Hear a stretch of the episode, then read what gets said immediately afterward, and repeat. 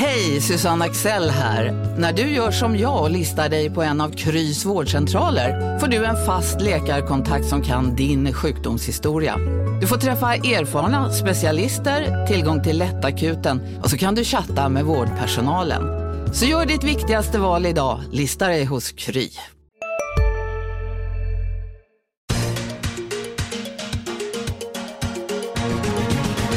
Hej och välkommen till Makrorådet, podden där vi pratar om de stora ekonomiska frågorna.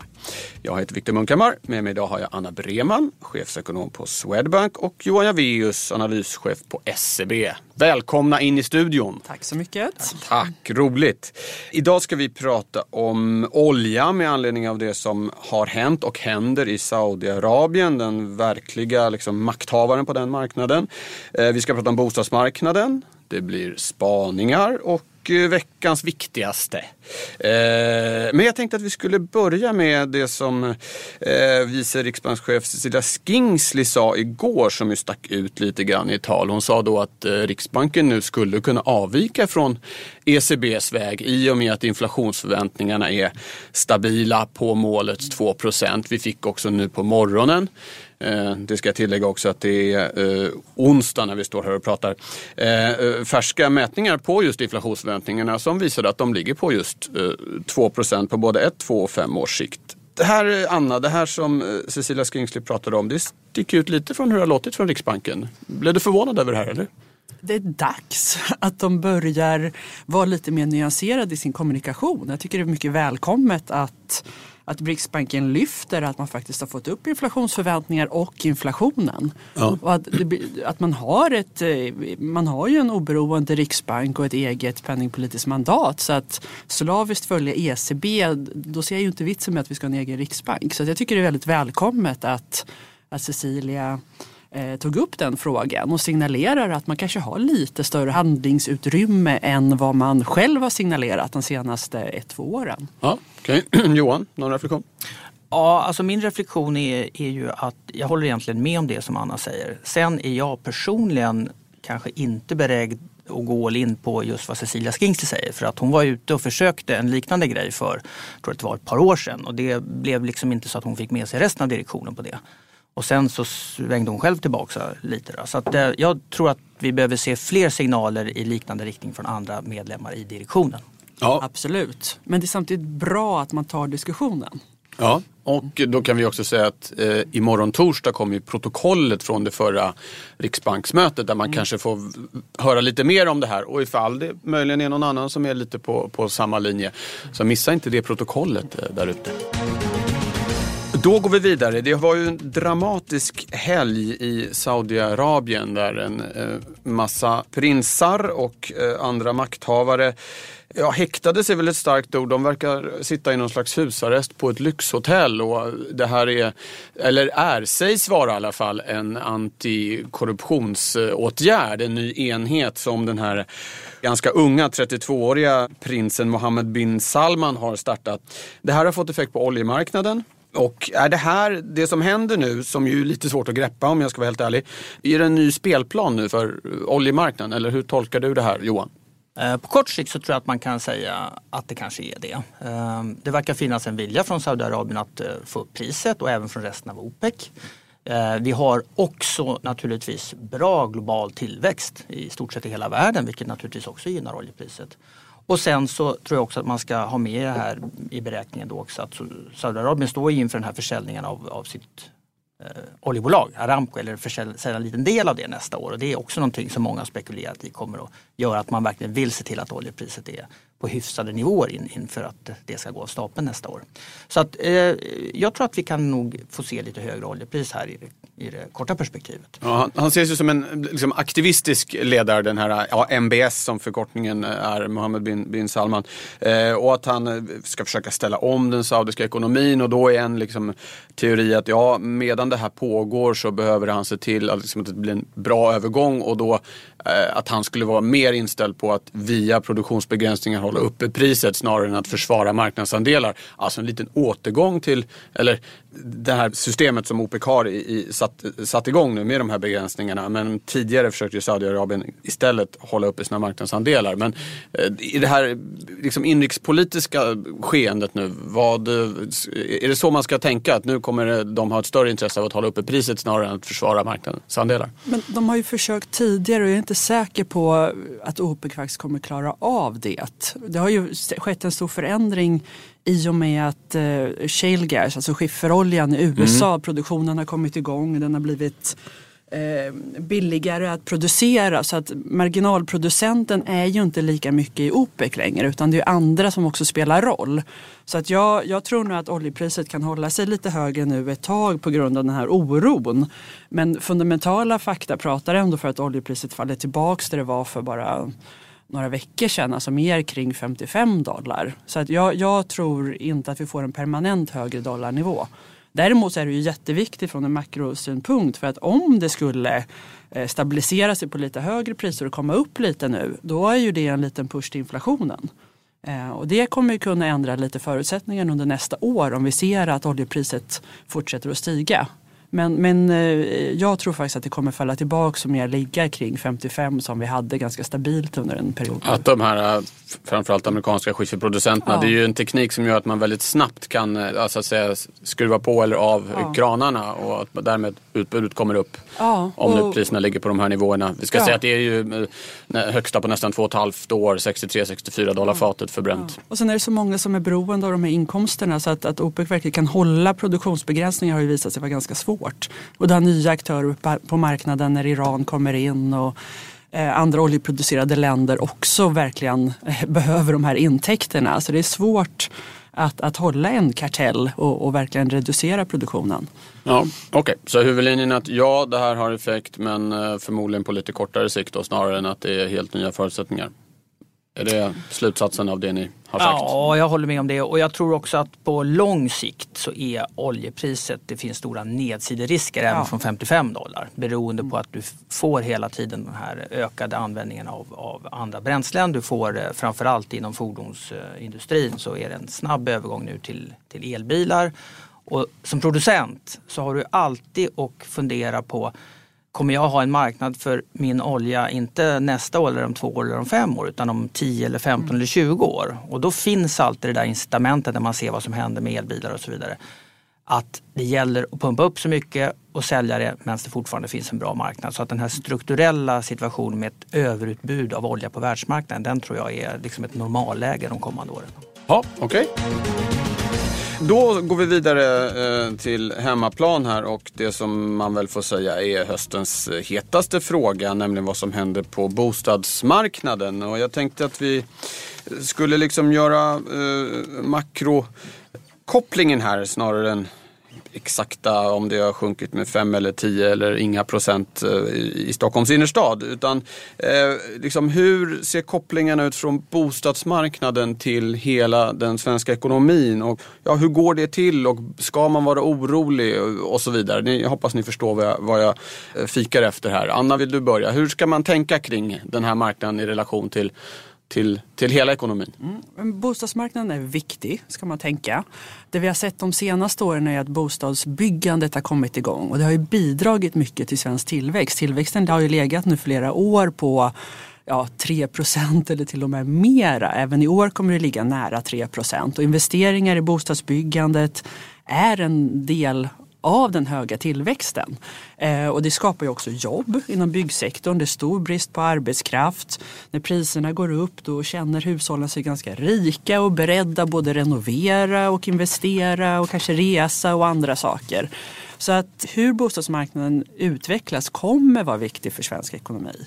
Jag tror det vi kommer se nu det är ju att bostadsmarknaden stabiliserar sig. Att de här väldigt höga prisökningstakterna som vi har haft vi kommer inte fortsätta ha prisökningar på 10-15 procent utan beroende på marknad så kanske, jag tror som Sverige som helhet kanske kommer ligga någonstans kring mellan 0 och 5 procent. Växa vara... ungefär som BNP då? Ja, växa mer i linje med BNP. Ja. Samtidigt så är det ju nu när bostadsinvesteringen har varit så höga under ett par år då kommer ju inte ökningstakten att fortsätta vara så höga.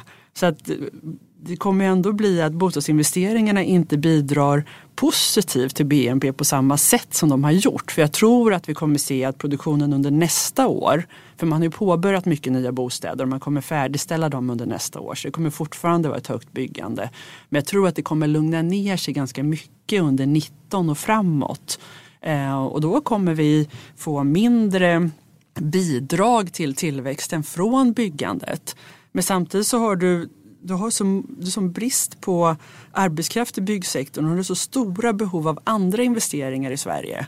Eh, alltså det gäller infrastruktur, renovera sjukhus, bygga förskolor. Så att jag är inte orolig för att vi skulle se någon arbetslöshet i de här sektorerna. För att den arbetskraften kommer lätt kunna flyttas från bostadsbyggande till att renovera sjukhus, bygga förskolor, bygga äldreboenden. Alltså det, det är en demografiskt driven investeringskultur delvis i Sverige.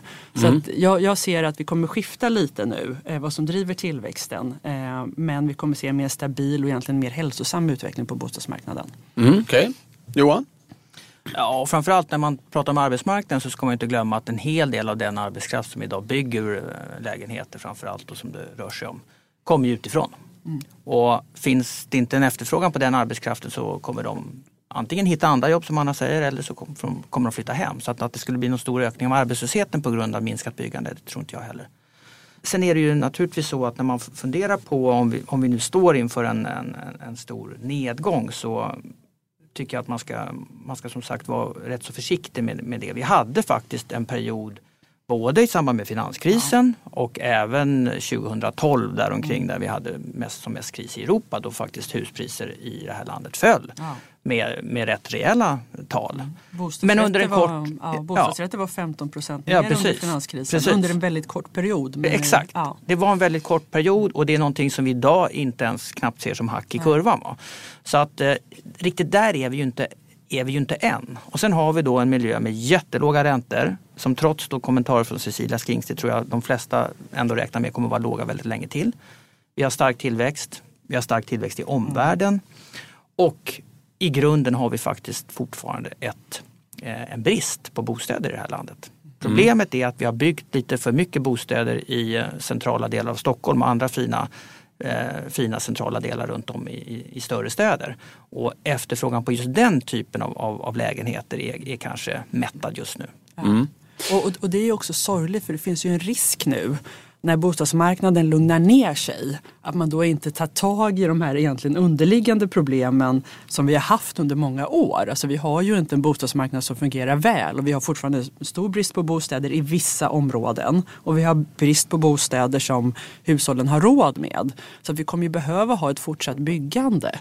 Eh, och, det, och det behöver vi ha liksom större breda uppgörelser för att hela bostadsmarknaden ska fungera bättre. Och jag är jätteorolig för att, att man nu när det lugnar ner sig kanske tar det som en ursäkt för att inte ta tag i helhetsperspektivet när det gäller skatteincitament, när det gäller hur man bygger, var man bygger och att man istället låter det vara. Och gör man det då tror jag att vi kommer se att priserna i vissa marknader kommer ganska snabbt börja stiga igen.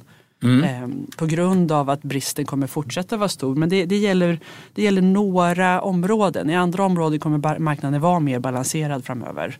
Det, det låter inte som att ni tror på någon generell liksom, kraftig nedgång i bostadspriserna. Det är rätt uppfattat. Du säger lugna ner sig exempelvis, ja. Anna. Är, ja. är, är oron överdriven för prisras om man säger så? Ja, alltså vad, vad skulle utlösa ett riktigt prisras när svensk ekonomi vi är specialister på det vi gör, precis som du. Därför försäkrar vi på Swedea bara småföretag, som ditt. För oss är små företag alltid större än stora och vår företagsförsäkring anpassar sig helt efter firmans förutsättningar. Gå in på swedea.se företag och jämför själv. Hej, Synoptik här. Hos oss får du hjälp med att ta hand om din ögonhälsa. Med vår synundersökning kan vi upptäcka både synförändringar och tecken på vanliga ögonsjukdomar. Boka tid på synoptik.se. går mycket starkt, omvärlden går mycket starkt, arbetsmarknaden är stark. Alltså, det måste man fråga sig, vad är det som skulle kunna få det att ske?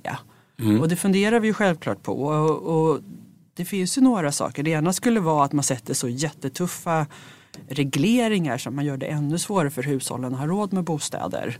Ehm, det, det, är en anledning. Det andra skulle vara om räntorna går upp jättesnabbt men det är väldigt svårt att se. För långsamma räntehöjningar det förväntar sig hushållen och de har goda marginaler. Men säg att räntorna skulle gå upp mycket snabbare. Ja, såklart, det skulle kunna vara problematiskt i den här marknaden. Ehm, men det är väldigt svårt att se att det skulle ske. Och det andra är att vi får en ny krasch internationellt som spänner över in i Sverige. Men just nu så går ju omvärlden faktiskt bättre än vad den har gjort på länge. Så att det måste vara någonting som i sånt fall som orsakar ett större boprisfall och fundamenta talar starkt emot det.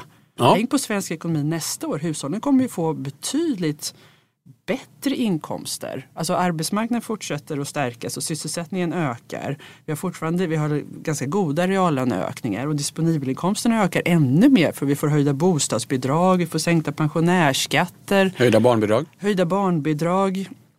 Alltså, nominella disponibla inkomster kommer öka närmare 5% nästa år i Sverige.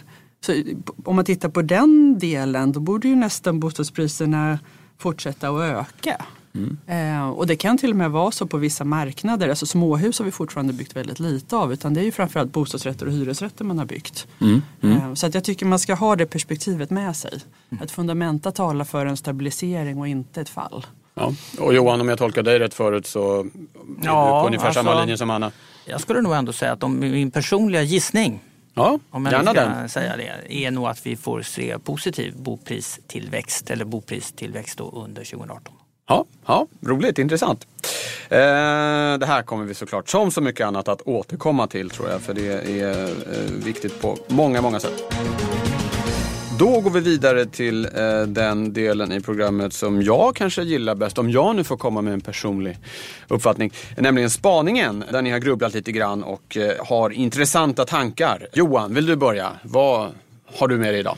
Ja, jag har en liten spaning då om det här med protektionism som eh, väldigt många verkar vara rätt så oroliga för nu. Och eh, ni vet det pågår ju Eh, diskussioner om att man ska förhandla om NAFTA-avtalet i, eh, i, USA eller i Nordamerika och eh, vi har liknande typ av gnissel i, i, eh, på massa olika ställen med Korea och USA och så vidare. Och eh, när man frågar eh, eh, kunder som man träffar i olika sammanhang om de är oroliga för protektionism, då, vi tror att vi kommer få en mer protektionistisk värld om fem år än vad vi har idag, så, så är det nästan alltid en rätt stor majoritet som tror det. Och jag tycker man kan utmana den bilden lite. Därför att eh, man ska komma ihåg att för det första så är det ju så att protektionism är ju någonting som det kan vara populärt att prata om. Men det brukar sällan vara speciellt bra för tillväxt och andra saker ens i det landet som så att säga, vill införa det. Och tittar man på, jag råder med mig att titta på hur det ser ut i USA då när det gäller export.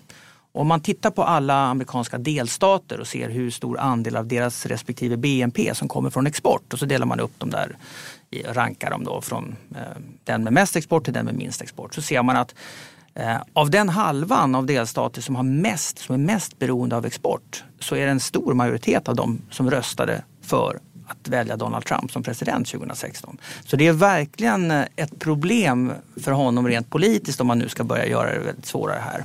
Likaså om man pratar om jordbruksexport så är det väldigt, väldigt tydligt. Tittar, tittar man på vad amerikanska, eh, den amerikanska jordbruksexporten går till så är det tre länder som liksom kommer i förgrunden här och det ena är Mexiko, det andra är Kanada och det tredje är Kina. Va?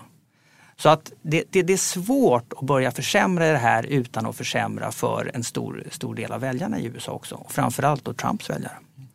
Sen har vi ju då också vid sidan om vad som händer i USA på det här området så har vi en massa andra motverkande krafter som sker på andra delar, i andra delar av världen. Och framförallt så eh, det finns ett enormt infrastrukturprojekt som är den kinesiske presidentens pet project kan man säga. Det är det, är det här Belt Road Initiative.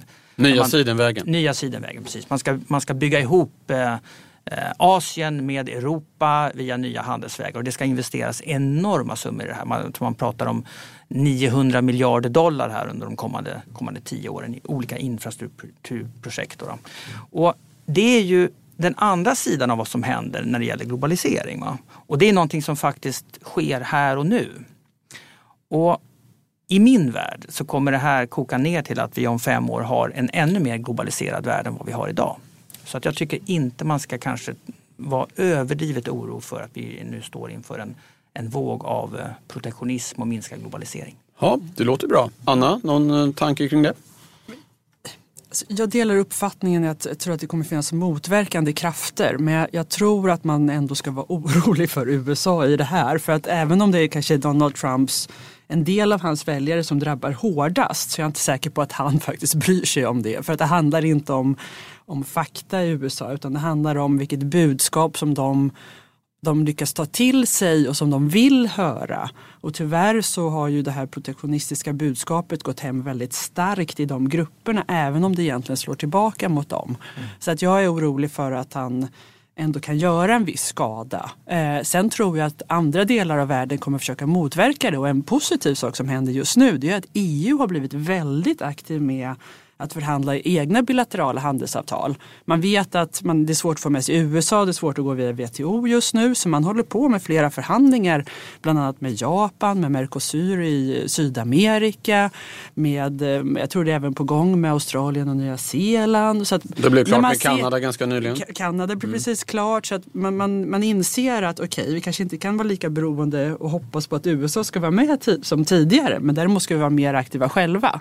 Och sen har vi även Kina som har samma policy. Så att det finns andra motverkande krafter. Men jag, jag tycker man ska vara orolig för USA, det tycker jag. Inte att de kan göra jättemycket skada men att de faktiskt kan skada sin egen ekonomi.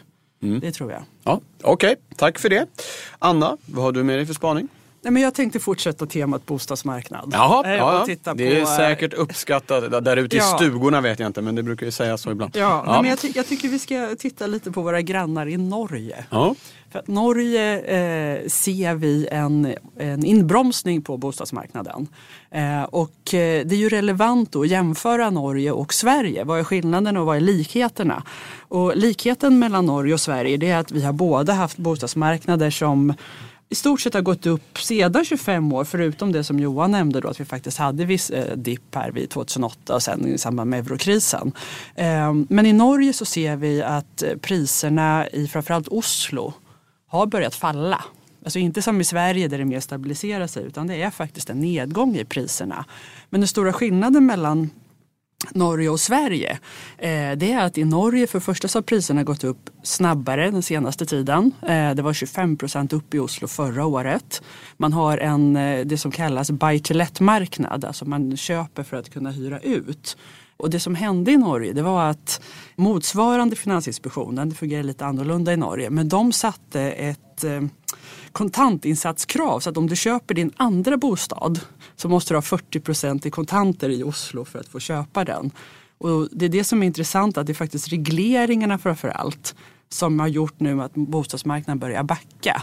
Och den stora skillnaden med Sverige är ju att vi har ju inte samma buy to let-marknad. Så det var en viss våg av spekulation i Norge som vi inte haft i Sverige. Eh, men jag tycker ändå en viktig lärdom att i en marknad, det är två saker och det eh, som har hänt. Det ena är liksom nya regleringar och det andra är att utbudet har ökat mycket. Eh, och i Sverige står vi för möjligheten nu att kanske få ytterligare regleringar och utbudet har ökat. Så jag tycker ändå att lärdomen från Norge ska vara att man ändå ska gå lite mer försiktigt fram och se att den här amorteringskraven som vi införde förra året, de har ju faktiskt fått effekt. Precis som man förväntade sig. Störst effekt i storstadsregionerna, en lugnare marknad och det är ju hälsosamt. Så jag tycker att man ska ta till sig eh, lärdomarna från Norge och gå försiktigt fram nu i Sverige och låta det här utbudet i kombination med de amorteringskrav som vi redan har infört faktiskt stabilisera marknaden. Ja, Okej, okay, men så att inte dra för starka paralleller till Norge beroende, framförallt beroende på att det är marknaden ser annorlunda ut med det här. Ja. Att man kan, ja. ja mm, okay. ähm. Johan, någon tanke om den?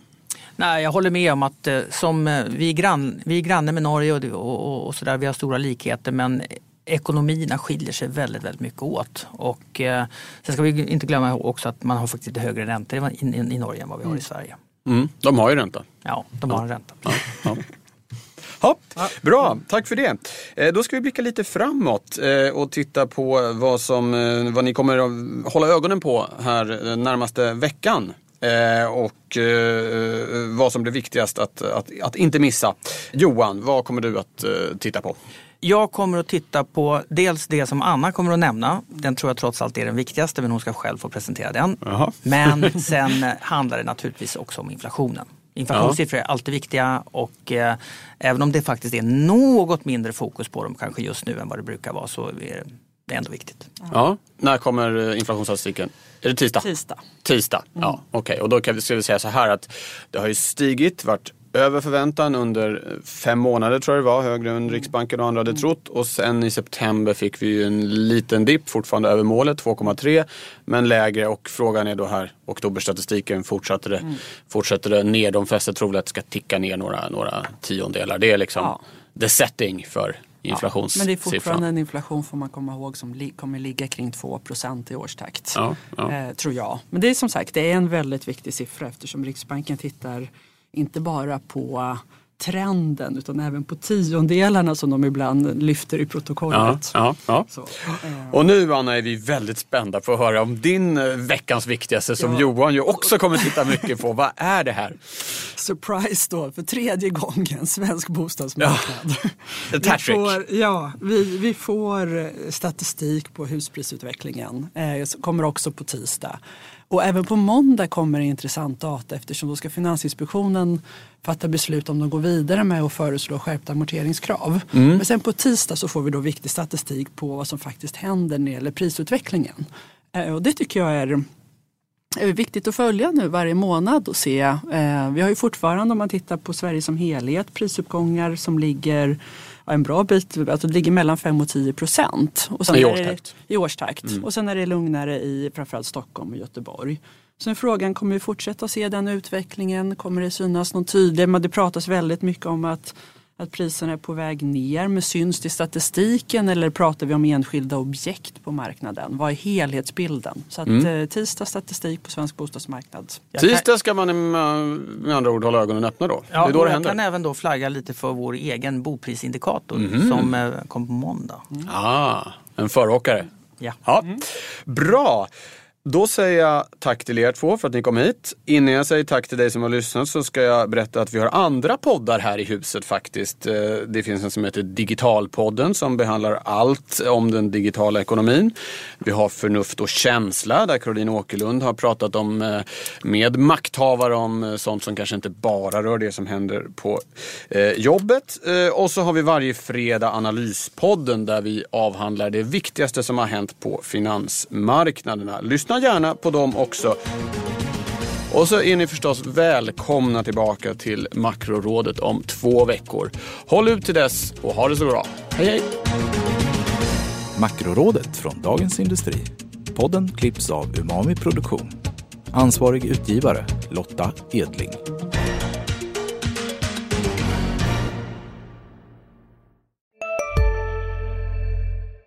Redo för sportlovets bästa deal? Ta med familjen och njut av en Big Mac, McFeast eller Cooper Cheese och Company plus en valfri Happy Meal för bara 100 kronor. Happy Sportlovs deal, bara på McDonalds. Ni är med om det största. Och det största är den minsta. Ni minns de första ögonblicken. Och den där blicken gör er starkare.